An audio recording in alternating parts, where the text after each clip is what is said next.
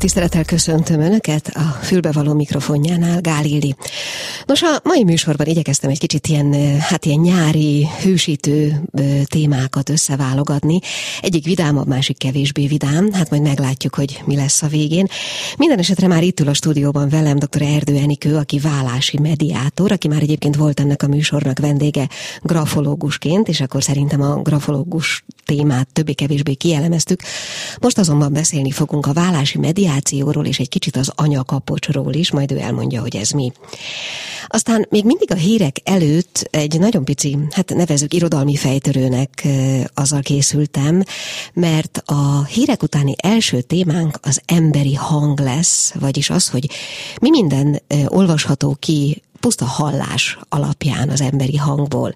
Ehhez pedig Kelemen Márta beszédtanár lesz a vendégem, aki egyébként szerintem Magyarország szinte valamennyi színészét tanította már, őt telefonon fogjuk kapcsolni, és el fogja mondani, hogy mi mindenre tud következtetni a puszta hallás alapján. Végül pedig, és akkor ez itt a frissítés, 342 körül megtudhatják, hogy mi az a zöldségmatek. A zöldségmatek egyébként arra való, hogy beleférjünk a fürdőruhánkba, így a bikini szezon közepén, e, és a szénhidrát elhagyásának a különböző módszereiről fogunk beszélgetni, tehát Kokavec Katalin táplálkozási szakértővel. Mindenek előtt azonban hamarosan Erdőenikő. A Klubrádió női magazinja tényleg fülbevaló. Szóval, köszöntöm a stúdióban dr. Erdő Enikőt, szia! Szia, szia, köszönöm a meghívást, és üdvözlöm a hallgatókat. Na, nagyon örülök, hogy beszélhetünk. Nagyon csupa olyan izgalmas témával foglalkozol, ami szerintem nagyon sok mindenkit érint, ugyanakkor talán kevésbé a könnyed témák közé való így a nyár közepén. E, én azt mondom, hogy kezdjük talán azzal, hogy ugyan a mediátor foglalkozásról ebben a műsorban volt már szó, mi több a mediátor képzésről is, de mégis szerintem definiáljuk a fogalmat. Jó, egy vállási mediátor mit csinál pontosan? Egy vállási mediátor a felek között közvetít, tehát vállás esetén tud segíteni abban, hogy közös megegyezéssel szépen meg tudjanak állapodni, és békében tudjanak elválni, mint házastársak, de egyúttal egy életnek a kezdetét jelenti, mint vállás utáni szülői együttműködés. Ugye ez az életszakasz, és hogy azt meg tudja alapozni, hogy a felek a lényeges kérdésekben a bíróság által döntéshez juss, jussanak, illetve minden egyéb más kérdésben is meg tudjanak egyezni, szépen meg tudják beszélni. Hát ugye ez nyilván nem könnyű, gondolom, hogy úgy kezdődik, még akkor is, hogyha ez nem egy különösebben elmérgesedett viszony, úgy kezdődik, hogy meg kell nyerni ezeknek az embereknek a bizalmát, nem? Igen, igen. Tehát mindenképpen a mediációhoz egy önkéntesség kell, tehát ez nem az a veszekedős bíróság előtt veszekedős módja a vállásnak, hanem egy békés együttműködésre törekvő módja. De ez akkor is működik, hogyha egyébként már a, a két fél viszonya nem a legbarátibb?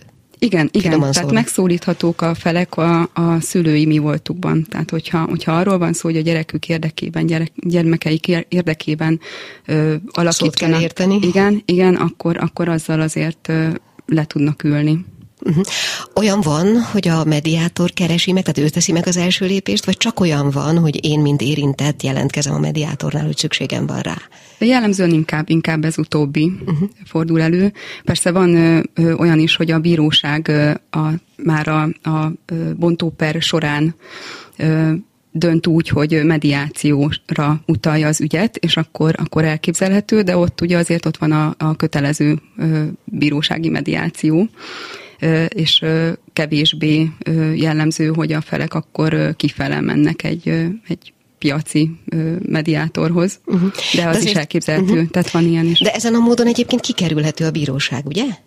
Akár. Nem, nem, tehát nem, nem ezen a, a módon, bíró... amit most utoljára mondtál, hanem a bíróság, tehát hogyha ha nincs bírósági tárgyalás, akkor a megegyezést is elő tudja, tehát létre tudja hozni igen, egy mediátor. A, igen, igen, tehát mindenképpen bíró, tehát hogy a bontópert minden, nem tudják elkerülni, de lényegesen megkönnyíti, tehát egy bíró is úgy áll hozzá, hogy van egy megállapodás, akkor azt átnézi, de, de sokkal könnyebben megy az ügy, nem, nem kell tényállásos bontást lefolytatni, folytatni, úgyhogy mindenképpen egy könnyebb módja, gyorsabb, egyszerűbb, tehát amikor gyerekek vannak, kiskorú gyermek van, akkor mindenképpen két tárgyalás, de ez, ez úgy történik, hogy a második tárgyaláson már, már csak kimondják a vállást, tehát hogy semmiképpen nincs az a mindent kiteregetős uh-huh. vállás. Te mondod, a mediátor az a két féllel foglalkozik, vagy az egész családdal, gyerekestül, nagyszülőstül? A két féllel, tehát velük beszél, de elképzelhető, hogy szükség van esetleg családterápiára, tehát van olyan, amikor, és ez a párkapcsolati meg a vállási mediáció közötti különbség, hogy, hogy egy folyamat végén, tehát egy párkapcsolati mediáció végén vállást határoznak el a felek, vagy pedig még vissza tud fordulni a folyamat, és azt mondják, hogy esetleg egy próbaválást csináljunk, vagy, vagy megpróbáljuk. Egy próbaválást? Igen, igen. Bocsánat, ez kérlek értelmez nekem, nem, nem igen, vagyok igen. kifejezetten otthon a dologban. Igen, el, tehát, hogy ez még nem a, nem a bontóper, meg nem a bírósághoz ö, ö, ö, való ö, szakasz, bírósághoz a papírok benyújtása, hanem ö, ö, van ö, arra eset, hogy ö, kitűzik, hogy egy fél évet, akkor működjünk úgy, már külön élünk akár, már, már külön a gyerekeket úgy intézzük, ahogy a kapcsolattartást tervezzük majd, uh-huh. és kipróbáljuk, hogy ez működik-e, és, hogy, és akkor ezen lehet finomítani, és már úgy beadni a bírósághoz majd, ha tényleg vállás, de még az is elő szokott fordulni, hogy visszafordul a folyamat, és azt mondják, hogy igen, nekem ennyi kellett, hogy kicsit egyedül legyek, megtaláljam önmagam, uh-huh. és visszataláljak hozzád. Úgyhogy, úgyhogy ez, érdekes. Uh-huh. ez külföldön már egy bevettebb gyakorlat, de, de akár lehet, hogy nálunk is majd Kérlek szépen, hogy mondom, nagyon izgalmasnak találom a dolgot, de kérlek szépen, hogy vezess minket végig azon a folyamaton, ami onnan indul, hogy megkeresnek téged azzal, hogy szükség van rád. Én a vállásnak, vagy vállási mediációnak egy nagy Zsóka által kifejlesztett módját tanultam, ami a kapcsolat gyógyítását helyezi középpontba, tehát arra épít, hogy nem kifejezetten egyből találkozik mindkét félel, mint a klasszikus mediációban és különböző mediációs technikák segítségével egyezteti a konfliktus helyzeteket, a megegyezési pont, megegyezés igénylő pontokon átvezeti, megegyezésre juttatja a feleket, hanem, hanem teljesen máshogy kezdődik, tehát egy, egy kapcsolatépítő móddal, egyéni beszélgetésekkel, ahol, ahol bátran fel tudják tárni a félelmeiket, aggájaikat, esetleges tabukat, amit egymásnak nem említettek, vagy fájó, vagy pont olyan pont, ami, ami, ami, ami ilyen forráspont, köztük gyújtópont, és hogyha ezeket át tudjuk beszélni, ez kicsit ilyen, mint egy segítő beszélgetés, akkor már én is jobban meg tudom érteni, és a másik fél fele tudom közvetíteni az, az ő érzéseit, és ő is már egy másik módon tud, amikor egy, sor kerül a, a páros mediációra, akkor máshogy tudja megfogalmazni az érzéseit. Sokszor ilyen, ilyen, ilyen játszmák, meg múltból hozott sérelmekkel dolgozunk, és előkészítjük ezt a, ezt a közös mediációt. Lehet, hogy nagyon profán a kérdés, de nem szoktak megpróbálni maguk mellé állítani, tehát ki-ki így vagy úgy megnyerni téged magának? Ez, ez, ez, ez, font, ez egy nagyon fontos, jó, jó kérdés. Én igyekszem mindig biztosítani a pártatlanságomat, tehát kifejezni, és ezzel nem szokott probléma lenni. Tehát ezt rögtön az elején gondolom tisztázni kell, igen. hogy te nem a barátnő vagy, nem, igen, nem a lelkitárs igen, vagy, nem a nem tudom micsoda, igen. hanem az, aki őket próbálja egymáshoz Igen, igen, tehát mindenképpen mi, mind a kettejük érdekét uh-huh. képviselem. Mond csak ahhoz milyen, fölvázolható-e egyáltalán így, hogy milyen tulajdonságok kellenek ahhoz, amit te csinálsz? Ö, empátia. Empátia, ö, nyitottság, tehát hogy bármilyen esetre nyitott legyek. Ö, jó ráhangolódás, és ugyanakkor egy határozottság, tehát hogy tudjam, hogy, hogy nekik miben kell megegyezni, és mi az, ami, ami fele tartunk. Tehát tudjam, hogy amiket ők gondolnak, az kivitelezhető a, a uh-huh valóságban. Tehát nyilván a dologhoz tartozó jogismeret, meg igen, ilyesmi. Aha. Igen, igen, igen. Előfordul olyan, és tényleg nem a bulvár kíváncsiság mondatja pusztán, de hát azért mégiscsak érdekel, hogy előfordulnak-e valamiféle szélsőségek? Tudsz-e mondani olyat, amikor Hát amikor akár az előbb említett korlátok között valahogy nem akar megmaradni a dolog, csak kíváncsi vagyok. Tehát, a, tehát az, hogy dührohama legyen valakinek, tehát azért itt, az, az, az előfordul. Az előfordul? Tehát, igen, igen, tehát van olyan, hogy, hogy egy ponton feláll, és, és, és jön, megy a szobában valaki, vagy, vagy olyan agressziós készletések tapasztalhatók. A irányodban is akár? Nem, nem, olyan, olyan még nem olyan volt. Nem. Nem, nem. nem ütött meg még senki. Nem, nem, az az igazság, hogy a mediáció annyira önkéntes, tehát hogy olyan, olyan esetekkel nem találkozom, hogy, hogy lehet, hogyha kötelező lenne, uh-huh. akkor lehetne, de itt azért azok a felek választják az ezt a módot. megvan, igen, hogy meg igen, és ez oldani. nagyon fontos, Nyilván. ez a motiváció. Uh-huh. Igen, de bocsánat, belét folytottam. Ma. Meg, meg ugye ott vannak, tehát hogy ott van a, a másik félnek szólnak ezek főleg, uh-huh. és ott vagyok én egy katalizátorként. A, a munkával kapcsolatban milyen visszaigazolás érkezik? Tehát mi mutatja azt, hogy ez sikeres? Egyáltalán mikor sikeres a dolog? Ez, ez is egy jó kérdés, mert mondhatjuk azt, hogy akkor sikeres, hogyha a vállás minél gördülékenyebben, tehát semmilyen hiánypótlás nem, nem volt a bíróság, nem kért semmit, hanem nagyon gördülékenyen lezajlott, szépen kimondta. A másik siker lehet az, hogy, hogy tényleg békében, tehát végig békében, vagy lehet, hogy még egy egy megnyug, megnyugvással zárják a folyamatot, tehát hogy, hogy jó szülői együttműködés érződik köztük, és ez a, ez a baráti kapcsolat, ez nagyon fontos a későbbiek során, tehát rengeteget kell főleg közös szülői felügyeletnél egyeztetni, kommunikálni, ez, ez is siker, illetve nekem még az siker, hogy ajánlanak. Tehát, uh-huh. hogy, hogy még máig is vannak, akik így, így fel, felhívogatnak, hogy ajánlhatlak, ugye? Szóval, hogy ez, ez nagy siker, illetve követem a, a párok életét, tehát látom, hogy tényleg működik. Tehát akár Jól... éveken át is kapcsolatban vagy igen, valakikkel? Igen, igen, igen, igen. Uh-huh. Nagyon érdekes. Tudom, hogy a múltkor kielemeztük, de azért hát, ha nem mindenki hallgatta a grafológia irányát. Mi, mi, mi közel van a grafológiának, vagy milyen használati tere ebben a témában, tehát a vállási mediációban? Mit tudsz felkezdeni? A párkapcsolati grafológia az pont arról szól, hogy a, hogy a felek személyiségjegyeit, személyiségét tárja fel, illetve a két személyiségnek a, a viselkedését, akár konfliktus helyzetben, a mindennapi problémák során, aminek a tudatos tudatosítása sok minden kérdést meg tud válaszolni, tehát akár a, a a kiben való tudatosítása önmagában? Tehát a... Önmagában is, Aha. illetve jobban meg tudja érteni, hogy igen, azért volt ez a kapcsolatom ilyen, azért volt, azért jutott zátonyra, futott zátonyra, mert, mert ez, ezek a tulajdonságok voltak, vagy, vagy így működtünk együtt. Uh-huh. Tehát van, van, amiben, vannak olyan területek, amiben jó, hogyha kiegészítik egymást, jó, hogyha hasonlóak, és vannak olyanok, amikbe pedig nem jó, hogyha nagyon, nagyon hasonlóak, vagy hogyha nagyon eltérnek. Uh-huh. A felek.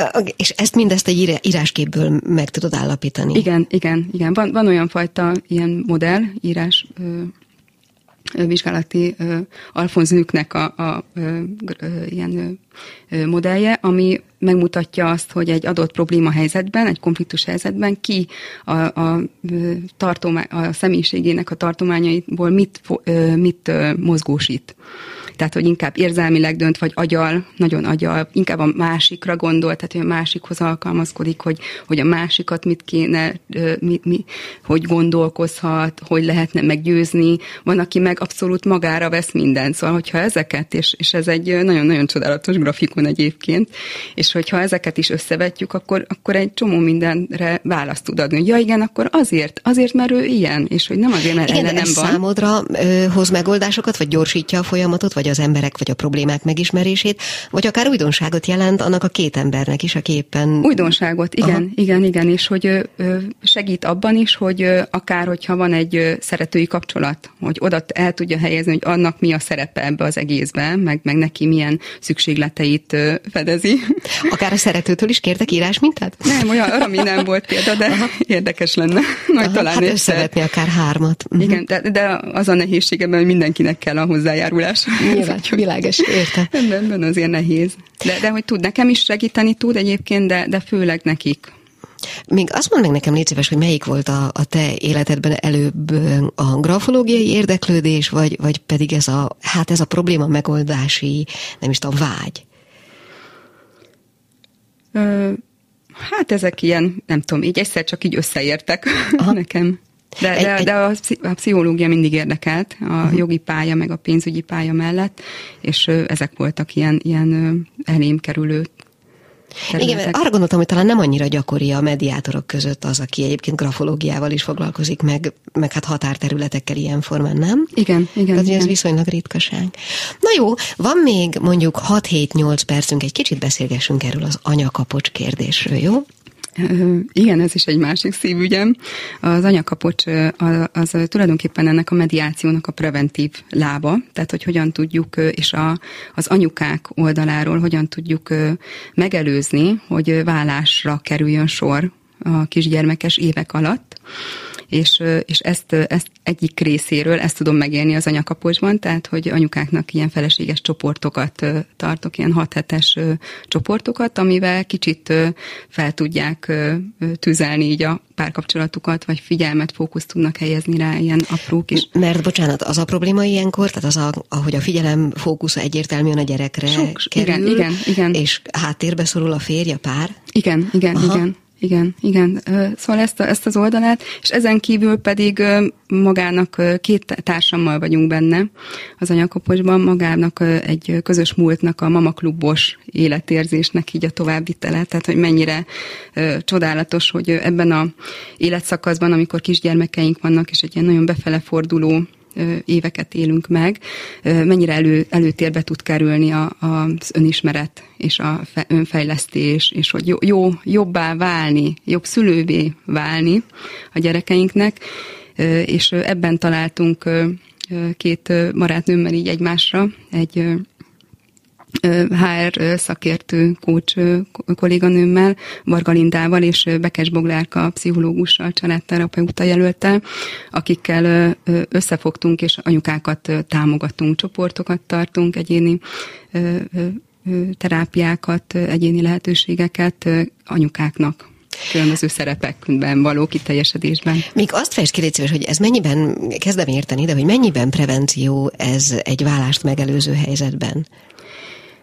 Volt, volt sor arra, hogy, hogy érezték, hogy nagyon, nagyon, nagyon... Csúszik szét a kapcsolat? Nagyon csúszik szét, tehát meg szoktam kérdezni, hogy tízből hanyasra értékelik a kapcsolatot így az első csoportalakító beszélgetésen, és volt olyan, aki hármas, négyest adott, a kapcsolatnak, és a hat hét után azt mondta, hogy tízes, vagy kilencesre jutott, és az csak azért nem ad tízes, mert annyira, annyira jó nekik, hogy, hogy még van fejlődési lehetőség, de hogy annyira, annyira, annyira egymásra tudnak hangulódni, és azt meg tudja élni, hogy nem a másiktól várja, hogy legyen figyelmesebb, hogy többet beszélgessenek, hanem, hanem kis, ilyen kis ajándékokkal vagy adással tudja közelebb hozni egymáshoz így a férjével önmagát.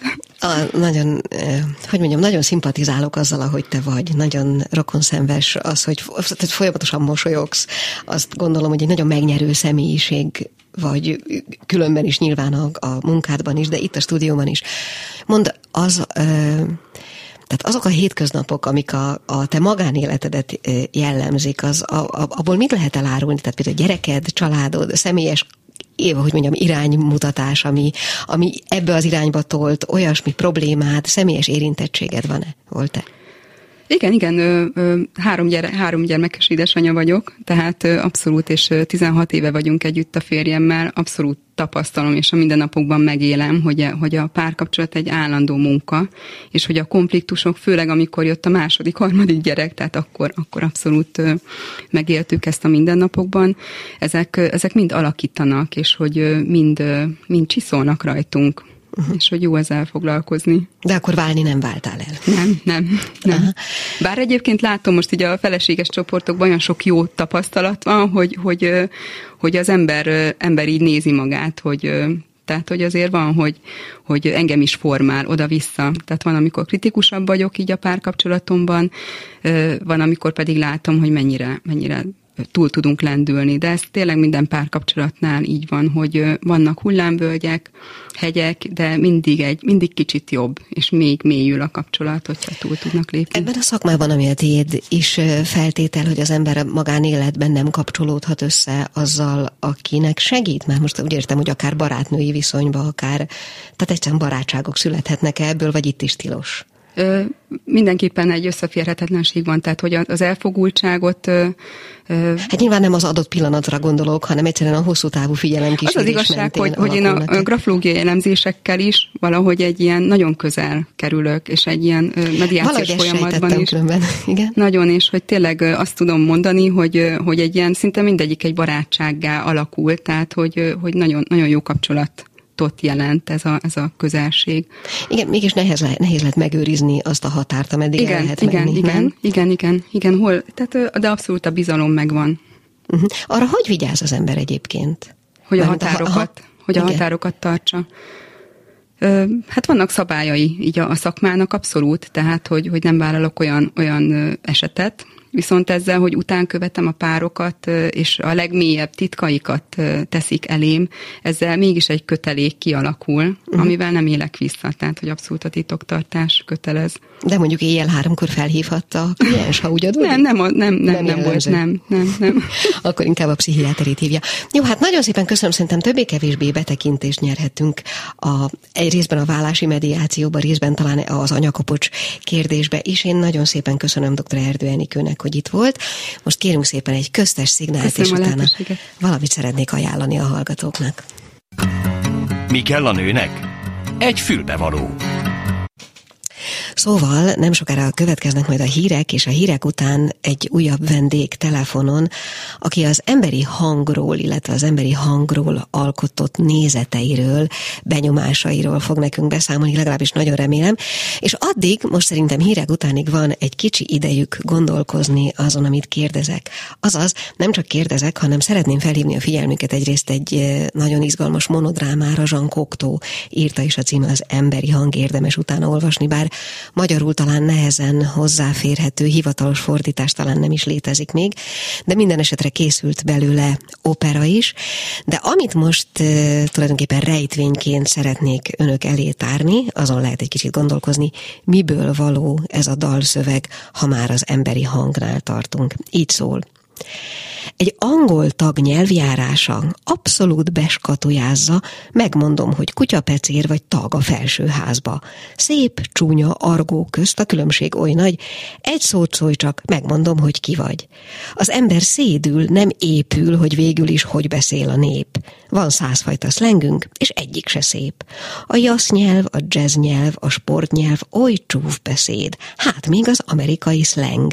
Miért nem beszélünk szépen, ízesen és jól, a talján az még hagyján, ha két kezével szól, a germán meg egy medve böfögi, hogy javol. A francia mond, bármit egyértelműen mondja, de kétértelműen hangzik. A katalán úgy karattyol, és a görög nyelve görget, a héber viszont visszafelé for, for, forgat ódon könyvet.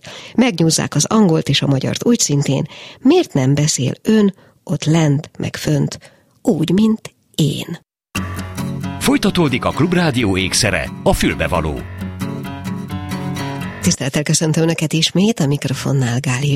Szóval az előző hírek előtti felolvasott szövegem, hát remélem, hogy ennyi idő alatt rájöttek Önök is. Higgins professzor dala volt a My Fair Lady-ből, és most egy női Higgins professzort köszöntök a vonalban, Kelemen Mártát. Halló! Szia, Ildikó! Szia! Szia. Tessék? Ö, nem, nem, nem lehet jól hallani. Ja, bocsánat, én igyekszem. Lehet hallani? É, abszolút, én hallak. Ja, jó, akkor szuper, akkor... Na, remélem, hogy te is hallasz. hallgatót is, igen. Szóval azt találtam mondani, hogy te vagy egy női Higgins professzor, mert hogy a, a hírek előtt felolvastam egy pici részletet Higginsnek a dalából, a My Fair Lady-ből, mert arra gondoltam, hogy megkérdezlek téged, aki Magyarország szinte valamennyi színészét tanítottad már beszélni, hogyha ha csak hallod valakinek a hangját, akár arc nélkül, csak egy hangot, az mi mindent jelent a te vágyfülednek? Ó, hát ez egy nagyon érdekes kérdés. Egyébként azért majdnem mindegyiket még nem, csak, csak sokat. Sokat. Sok színészt tanítottam már. És ez azért is nagyon aktuális ez a mostani kérdésed, mert ugye itt a pandémia alatt nem tudtam kontakttalálkozni. Néha láttam arcot, de volt olyan, hogy különböző ilyen kommunikációs csatornák hiányossága miatt nem, nem sikerült látni őket, csak a hangjukat uh-huh. esetleg. Elég sok mindent elárul egyébként arról a beszélőről a hangja, és ezért is érdemes vele foglalkozni. Nyilván a, a hivatásos megszólalóknál egy picit más a helyzet, mert ott kell, hogy bírjon egy terhelést, tehát fel kell arra készíteni a hangot, hogy bírja. Másodszorban, hogy kifejező legyen, tehát hogy meg tudja teremteni a személy a hangjával, meg a mondani való tartalmával. Adott esetben lehet, hogy ez saját érzelmeivel is a kapcsolatot. Uh-huh. Ezen kívül a hangunk azért nagyon-nagyon árulkodik arról, hogy milyen, milyen családból jöttünk, mert azt nagyon sokszor hozzuk magunkkal. Hogy milyen családból hogy jöttünk? Vagy, igen. Ajaj, igen, na ezt fejtsd ki, légy tanulás ö, során sajátítjuk el azért a, a hangszínünket. Uh-huh. Illetve, hogy az iskolázottságról is gyakran árulkodik. Nyilván ö, van egy olyan bizonyos életkor, egész fiatal életkorban, mikor kicsi, kicsi az ember talánta, meg amikor egész idős, akkor nem lehet ugye megkülönböztetni a nemeket, hogyha például telefonon beszélsz idős emberrel, most volt ilyen élményed neked is, uh-huh. hogy nem, nem, nem biztos benne az ember, hogy néni vagy bácsi, aki megszólal. Amikor már lezajlik a mutálás, amikor megkapja a sajátos nőies vagy férfias színezetét a hang, akkor, akkor viszont nyilván elsősorban arról árulkodik, hogy férfival nővel beszélünk, és nagyon sok mindent el tud mondani még ezen kívül is. Milyen idegállapotban van, milyen érzelmi állapotban van, milyen kedve van, milyen stílust próbál velünk megütni, egy barátkozó, vagy egy hivatalos, szárazabbat. Egy dolog egész biztos, hogy ugye a hang úgy alakul ki, hogy van egy alaphang, amit megszólaltatunk, annak van egy nagyjából frekvencia tartománya férfiaknál nőknél, hogy milyen magasan, és erre rárakódnak felhangok a különböző üregeink, ahogy rá rezegnek a testünkben a hangra. Most minél több ilyen felhangot tudunk rárakni, minél több üreget tudunk megrezegtetni, annál kellemesebb hallgatni egy emberi beszédhangot. Tehát például ahhoz, Például, bocsánat, igen. igen. Azt akartam kérdezni, hogy ahhoz társulnak például érzetek, hogyha mondjuk egy férfinak minél mélyebb a hangja, annál vonzóbb, én most csak hasalok. Hát persze, mert, mert hogy ez egy ivari jelleg, uh-huh. hogy a férfiaknak ugye nagyobb a gégéjük. Ez uh-huh. az mhm. anatómiai magyarázat, sokkal nagyobb a gégéjük, ezért vaskosabb, hosszabb hangszalagjaik vannak, mint a nőknek. És ettől mi érzelből... A gondolunk, helyből az egy, az egy, az egy, halljuk, hogy az egy mélyebb, mélyebb hangot eredményez, illetve az üregeik is nagyobbak, hogyha nagy a termete a férfinak, és az jobban, az a, a nagy üregek főleg a mély hangokra rezonálnak rá. És akkor ezt mi férfiasnak azonosítjuk, hallgatva? Igen, Aha. igen. A, a, a, ez az erőjele. Uh-huh. Egy nagy férfi, aki engem majd meg tud védeni. Uh-huh. Az jutott eszembe, hogy amikor... Igen, bocsánat. Hallgatlak. Egy nőnél, ez nagyon érdekes, mert magyarul, tehát ez nyelvfüggő is, meg kultúrafüggő is ugye a hangnak a magassága, de ha meghallgatod, Hártodban keltetben a magyar nőket általában a hangjuk fölé beszélnek. Uh-huh. Mert arra vagyunk szocializálva pontosan emiatt, hogy az olyan nőies, az olyan védtelen, ez a véd meg engem, és ezért általában a nők, a magyar nők a hangjuk fölé beszélnek, ami egyébként hanghigiénes szempontjából nem a legjobb, mert terheli a gégét, de mindenképpen nőies. Uh-huh. Akkor most ennyit a hangszínekről, de például abból, hogy valaki hogy ejt bizonyos hangokat, egyáltalán, ahogy az előbb itt a Higgins professzortól idéztem, tehát, hogy nem is csak a hangja, hanem minden más, amit a beszéde tartalmaz, az is jelent neked mindenféle információt? Igen, igen, azt hiszem, hogy igen, most az artikulációra gondolsz, ugye? Igen, köszönöm. A, mit tudom én, susogókat, sziszegőket, erreket. Ez nagyon érdekes, mert tudat alatt társítunk bizonyos beszéd problémát, lehet, hogy nem tudatosodik egyáltalán, de erre vannak kutatások, hogy például, hogyha a felnőtt korban hangzó torzítás van, mondjuk egy kösze S, vagy egy S, vagy egy R, akkor hajlamosak vagyunk azt gondolni, hogy az illető nem olyan okos. Hm. Holott ez nyilvánvalóan nem biztos, hogy igaz, a kettő nem, nem kell, hogy együtt járjon. Viszont például csak hallás útján is teljesen jól lehet hallani bizonyos pont ezeknek a, a hangzóknak a, a torzítását, Sőt, adott esetben, hogyha mondjuk fogközi ejtés van magyar nyelvben, mert ugye az ránk nem jellemző, hogy a, a messző fogak közé kidugja a illető a nyelvét, felnőtt korában, akkor ö, nagyon hamar föl, fölmerül például egy szakemberben, mert ezt lehet hallani, csak ott is lehet hallani, hogy mondjuk lehet, hogy nyelés problémája is van.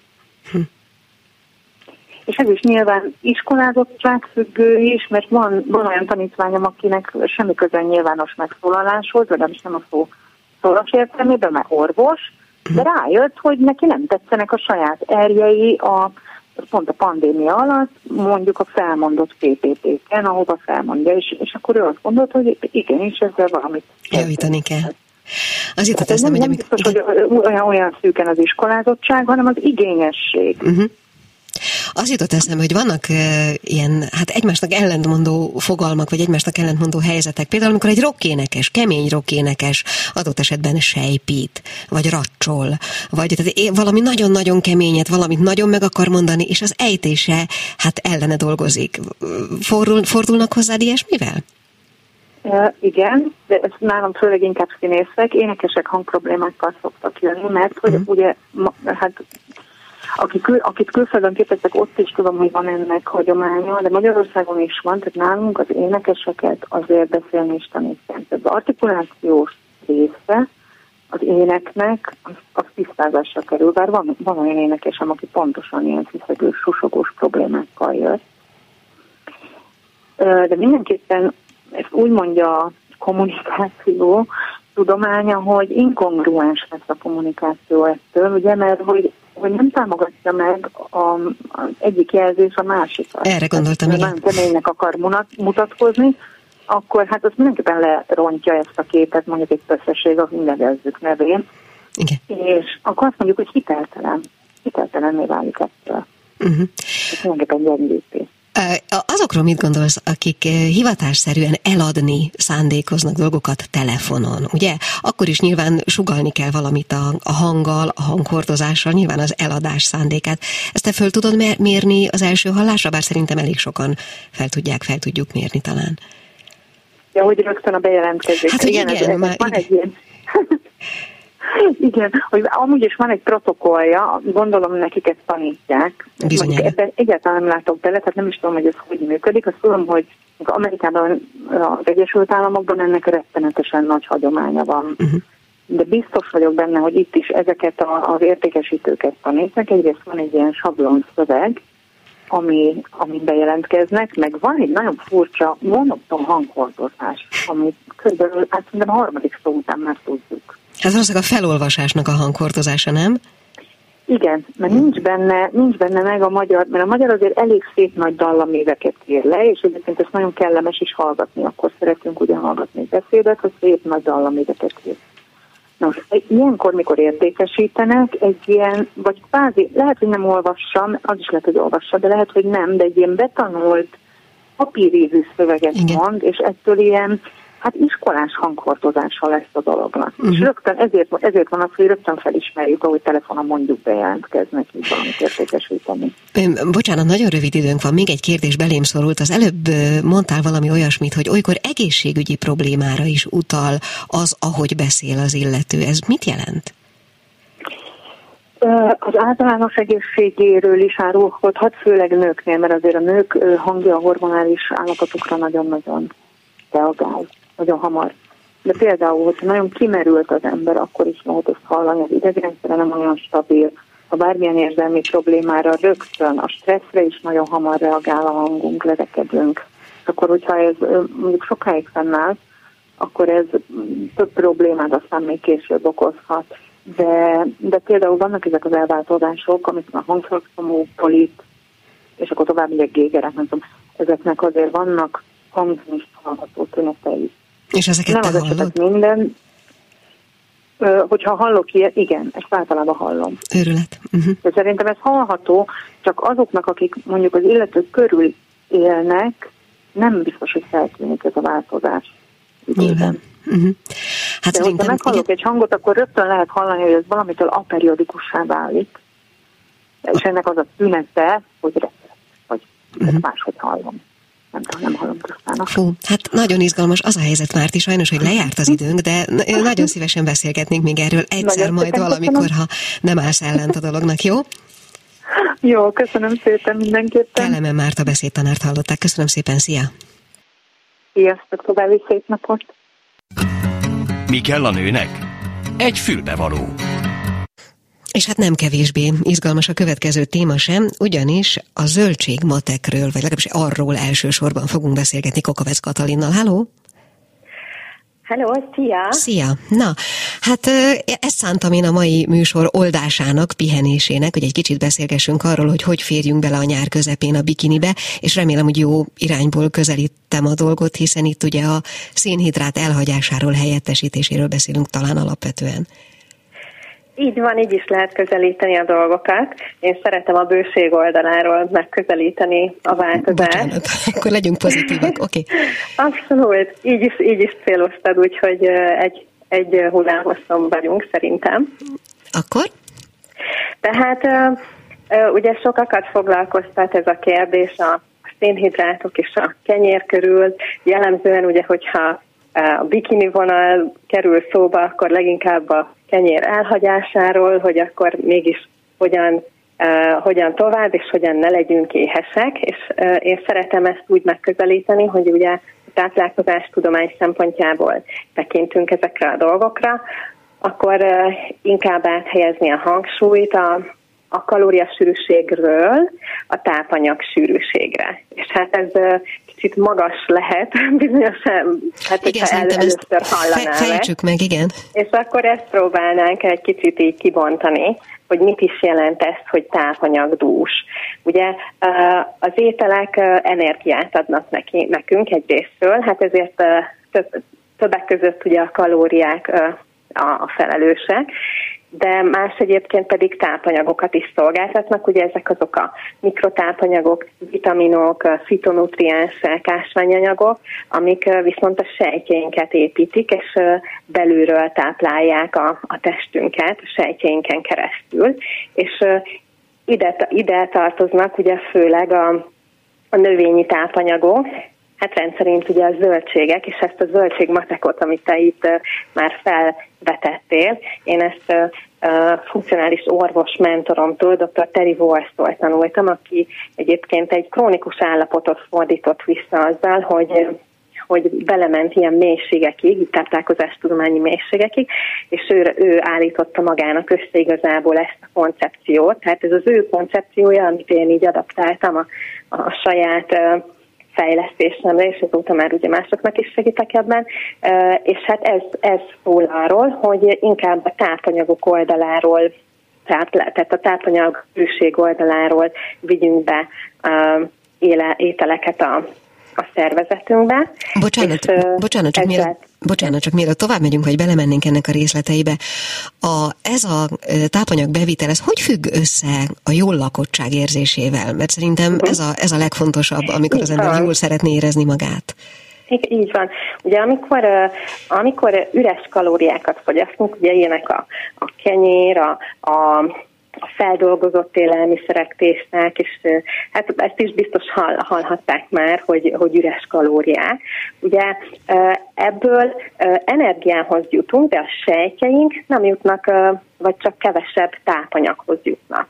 Ezzel szemben, amikor tápanyag sűrűen táplálkozunk, tehát, és itt jönnek szóba ugye a, a, a minőségi zöldségek, a fehérjék, és némiképp egyébként a zsírok is, akkor a sejteket sejt szintről tápláljuk, és ezzel segítünk a szervezetünknek sejtszintről jól lakottá válnunk, tehát nem a szemünket lakatjuk jól, mint az üres kalóriákkal, hanem a sejtjeinket tápláljuk bőséggel, színesen, a szivárvány legszélesebb spektrumába. Ugye innen is jön ez a zöldségmatek koncepció, hiszen ez arról szól, és ez az a zöldségmatek, amit ugye dr. Terry Voice tanításaira hivatkozva adok én is tovább, hogy miből áll ez? Ez a háromszor hármas koncepció, ugye az alap tézis, hogy háromféle zöldségcsoportot próbálunk meg így a figyelmünk központjába helyezni. Az első, az a színes zöldségek.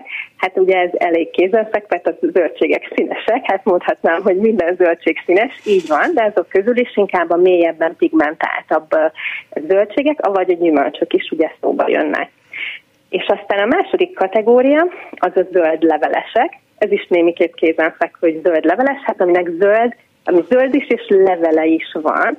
Itt legtöbbször ugye a spenótra és az ilyen salátafélékre vagy a sóskára gondolunk, de hogyha jobban belegondolunk, akkor ide tartozik az összes zöld fűszernövény, a mángold, és, és a salátáknak a, a nagyon széles tárháza, amit elég, hogyha csak szezonban, ugye most is akár kimegyünk a piacra, vagy inkább majd nyár vége, őszeleje fele még jobban kijönnek ezek a, a szezonális zöldleveles zöldségek, és, és hogy ezekből próbáljunk meg minél többet fogyasztani. És a harmadik kategória pedig a kénesek.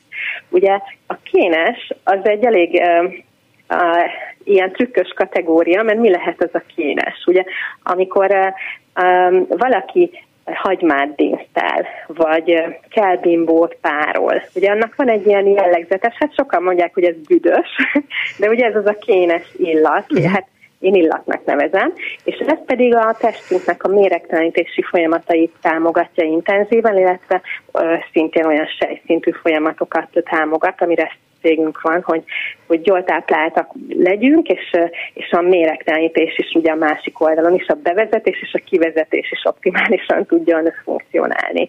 Tehát ez az a háromszor hármas zöldségmatek koncepció, amivel sejtszintről tudunk táplálkozni, és hogyha valaki úgy dönt, hogy elhagyja a kenyeret, mert inkább egy kalóriasűrű étkezésről egy tápanyag-sűrű étkezésre vár, akkor nagyon fontos, hogy hogy miből legyen többet, és én szeretem ezt így megközelíteni a, a zöldségmetek oldaláról, de ez egy indító stratégia, tehát nyilván azért ennél még részletesebben is uh-huh. ki tudjuk fejteni, hogyha van még idő. Ah, én most inkább, persze, van még egy icipici időnk, de most azt kérdezném akkor inkább, hogyha a, mondjuk egy tápanyag sűrű zsíros kenyeret hagymával leszeretnék cserélni, illetve egy, bocsánat, egy kalóriasűrű, egy tápanyag sűrűre, akkor mondjuk egy ilyen, egy szelet zsíros kenyér hagymával mire váltható be, mondjuk? Igen, ez a klasszikus kérdés, hogy akkor mit, mit is egyek, ugye, és akkor jönnek szóba azok a biztonságos keményítős források, amik, amik még a zöldségmatekon kívül biztosítják azt a, azt a kalóriabevitelt, mert igazából a zöld, csak zöldségekből nem biztos, hogy elegendő kalóriát be tudunk vinni. Tehát itt szóba jöhetnek olyan olyan akár gabonák is, amik lehetőleg telje, minél teljesebb értékűek legyenek, és akkor itt sokakban felmerül az, hogy teljes kiörlésű kenyér, vagy ilyen hasonló. Azt mondom, hogy még talán tehát én, én azért nem szeretek ebbe az irányba mozdulni, mert attól abban még a, a glutén fehérje, ami nagyon sokaknál uh-huh. problémát okoz, illetve más lektinek és antitápanyagok és gyulladáskeltő faktorok vannak, azzal még nem megoldott. Tehát uh, itt jobb lenne uh, inkább a gondolkodásmódunkon váltani, hogy, uh, hogy ne, ne a kenyeret próbáljuk meg uh, lecserélni valami alternatív vára, hanem inkább próbáljunk meg színekbe és változatosságba gondolkodni, és mondjuk mondjuk például egy olyan teljes értékű, de gluténmentes gabonából kiindulni, vagy akár a rizsből, vagy a burgonyából, vagy, vagy más egyéb, akár a hajdina, vagy quinoa, ilyesmi irányba, ami, ami minél teljesebb értékű, és ezt úgy házilag elkészíteni, hogy nem biztos, hogy egy kenyérformátumot kapunk, inkább ez egy köret, és akkor amelyre pakoljuk szépen a tányérunkra a szivárvány színeiből ezt a 3x3-as zöldségmatekot, ugye egy valamilyen mélyebben pigmentált zöldséget, vagy gyümölcsöt, valamilyen zöldleveles salátaféleséget, és valamilyen kénes növényt, és hogyha egy, így, így létrehoztunk egy tányért, egy szép, gyönyörű, szép szivárvány színű tányért, és ezt elfogyasztjuk, akkor biztos vagyok benne, hogy legalább annyira jól lakunk, sőt, még jobban, mint egy zsíros deszkával, amivel egyébként a szemünket tápláltuk, és az üres kalóriákat bevittük, de valószínűleg nem annyira jót tettünk a bikini mhm. vonalunknak. Na még, még bocsánat. Egy uh-huh. még, egy, még egy utolsó, bocsánat, mert tényleg nagyon pici az időnk. Azt mondd meg, mhm. kérlek, hogy ennek a, én ezt értem, és logikus is, és az ember, hogy mondja, meg is tudja tenni nyilván, és elszállás kérdése, és tudom, hogy fejben dől el, és így, tehát még mondhatnám. De van egy nemzedék, aki az idősebbek főleg, akik egyébként a háborút Igen. így vagy úgy túlélték, akiknek még azt gondolom, hogy még a nem tudom, a, a káposztás tésztához is kenyeret esznek. Mert jól kell lakni, kisfiam, mert nem tudjuk, hogy mi lesz holnap. Tehát egyszerűen van egy olyan nemzedék, akibe azt táplálták bele, hogy mindenhez kenyeret eszünk. Hol kell ezt lélektanilag módosítani szerinted? Igen, ez a mindent kenyeret teszünk, és ez nagyon jó, hogy ezt, ezt a generációt említetted, és sőt, még ezt a háború is uh, megemlítésre került. Ugye a kenyér az nem, tehát nemzedékeknek okozó, vagy uh, biztosított túlélést. Ez egy túlélési élelem, ami, ami az emberekbe gondolati szinten húzalozta ezt, hogy ha túl akarok élni, akkor kenyér kell, hogy legyen itthon. A mai napig ez figyelhető meg a háztartásokban. És valóban itt, itt már ilyen mélyebb mélységekhez érünk, hogy, hogy ez gondolatilag hogy van belénk húzalozva. És ezt, ezt tényleg csak a gondolataink áthúzalozásával lehet felülírni úgy, hogy nem, nem szükséges a kenyér a túléléshez. A sejtjeinknek viszont szükségük van minőségi tápanyagok, tápanyagokra, mert a valódi, valódi túlélés, sőt nem is a túlélést, hanem a jólétet, a jól létet, a bőséget, sejtszintű egészséget, e, e, ezt fogja biztosítani. Tehát ez sehogy máshogy nem fog tudni megvalósulni, csak gondolati szinten, ez a, ez a nehezebb része. Aztán azt, hogy köztes fokozatokban, hogy ez a gyakorlatban hogy valósul meg a tányéron, erre azért a mai, mai világban vannak nagyon jó alternatívák, amit bizonyos ilyen, ilyen jellegű helyzetekbe akár alkalmazni lehet. Hát jó, köszönöm szépen, értem én, amit mondasz. Nyilván azért ez nem egyszerű, meg nem csak elszánás kérdése, kell ehhez nagyon sok minden, de most legalább nyár van, és hozzáférhetőek ezek a bizonyos növények, így van, amiket így van, mondtál, tehát legalább ez a nehézség nincs. Így, így van. Így van, miért ne tegyünk többet a tányérunkra ebből, és onnantól pedig már csak szokás kérdése, én is ezt szoktam mondani, hogy minden csak addig nehéz, amíg nem válik szokássá. Ahhoz Ugye mennyi az embereknek, kell? Igen, az embereknek ez szokás, hogy mindenhez kenyeret eszünk, nekem az a szokás, hogy mindenhez oda teszem a kis zöldségmatekomat, és, és egyre többeknek, hála Istennek most már ez a szokás, és De építsünk ilyen pozitív Katalin, bocsánat, mennyi idő kell ahhoz, hogy ez szokássá váljon? Néhány hónap? Ez, ez változó, ez, ez hozzáállás, személyiségtípus kérdése is. Én azt mondom, hogy biztos, hogy ezért hetek, hónapok kérdése, uh-huh. legjobb esetben is. Ugye e, olyan, olyan szokásokat, para, hát így mondom, hogy paradigmákat, vagy ilyen mély rögzüléseket szükséges átírni, ami, ami azért nem fog egyik napról a másikra megtérteni. Ehhez, ehhez biztos, hogy türelem, elfogadás kell, a saját magunk uh, irányába történő elfogadás, ami egy ilyen szeretetteljes megnyilvánulás magunk felé leginkább, Ugye az ember hajlamos önmagát a legutolsó sorba helyezni. Igen, és Ez nem önzőség, amikor, amikor váltunk, igenis mi akkor tudunk jót tenni a világba, hogyha mi rendben vagyunk, és sejtszintről vagyunk rendben. Igen, nagyon szépen köszönöm Kokavec Katalinnak. Azt hiszem, hogy innen nyithatnánk egy újabb órát, de most nem tesszük, hanem majd esetleg egy későbbi alkalommal valamikor. Köszönöm szépen, viszont hallásra. Köszönöm szépen, viszont hallásra. Folytatódik a Klubrádió ékszere, a fülbevaló folytatódik, igen, még körülbelül 30 másodpercig, úgyhogy én nekem nincs más dolgom, mint hogy elbúcsúzzam önöktől. Elmondjam, hogy a mai műsorban először dr. Erdő Enikő vállási mediátorral beszélgettünk, nem csak a vállási mediációról, hanem az anyakapocsról is. Azután Kelemen Márta beszélt nekünk az emberi hangról, illetve az, az által tartalmazott információkról, és végül pedig a zöldség matekbe kaptunk egy kis eh, bepillantást Kokavec Katalin táplálkozási szakember segítségével. Most már csak néhány másodperc is következnek a hírek. Gál Ildit hallották, köszönöm szépen, hogy velünk voltak.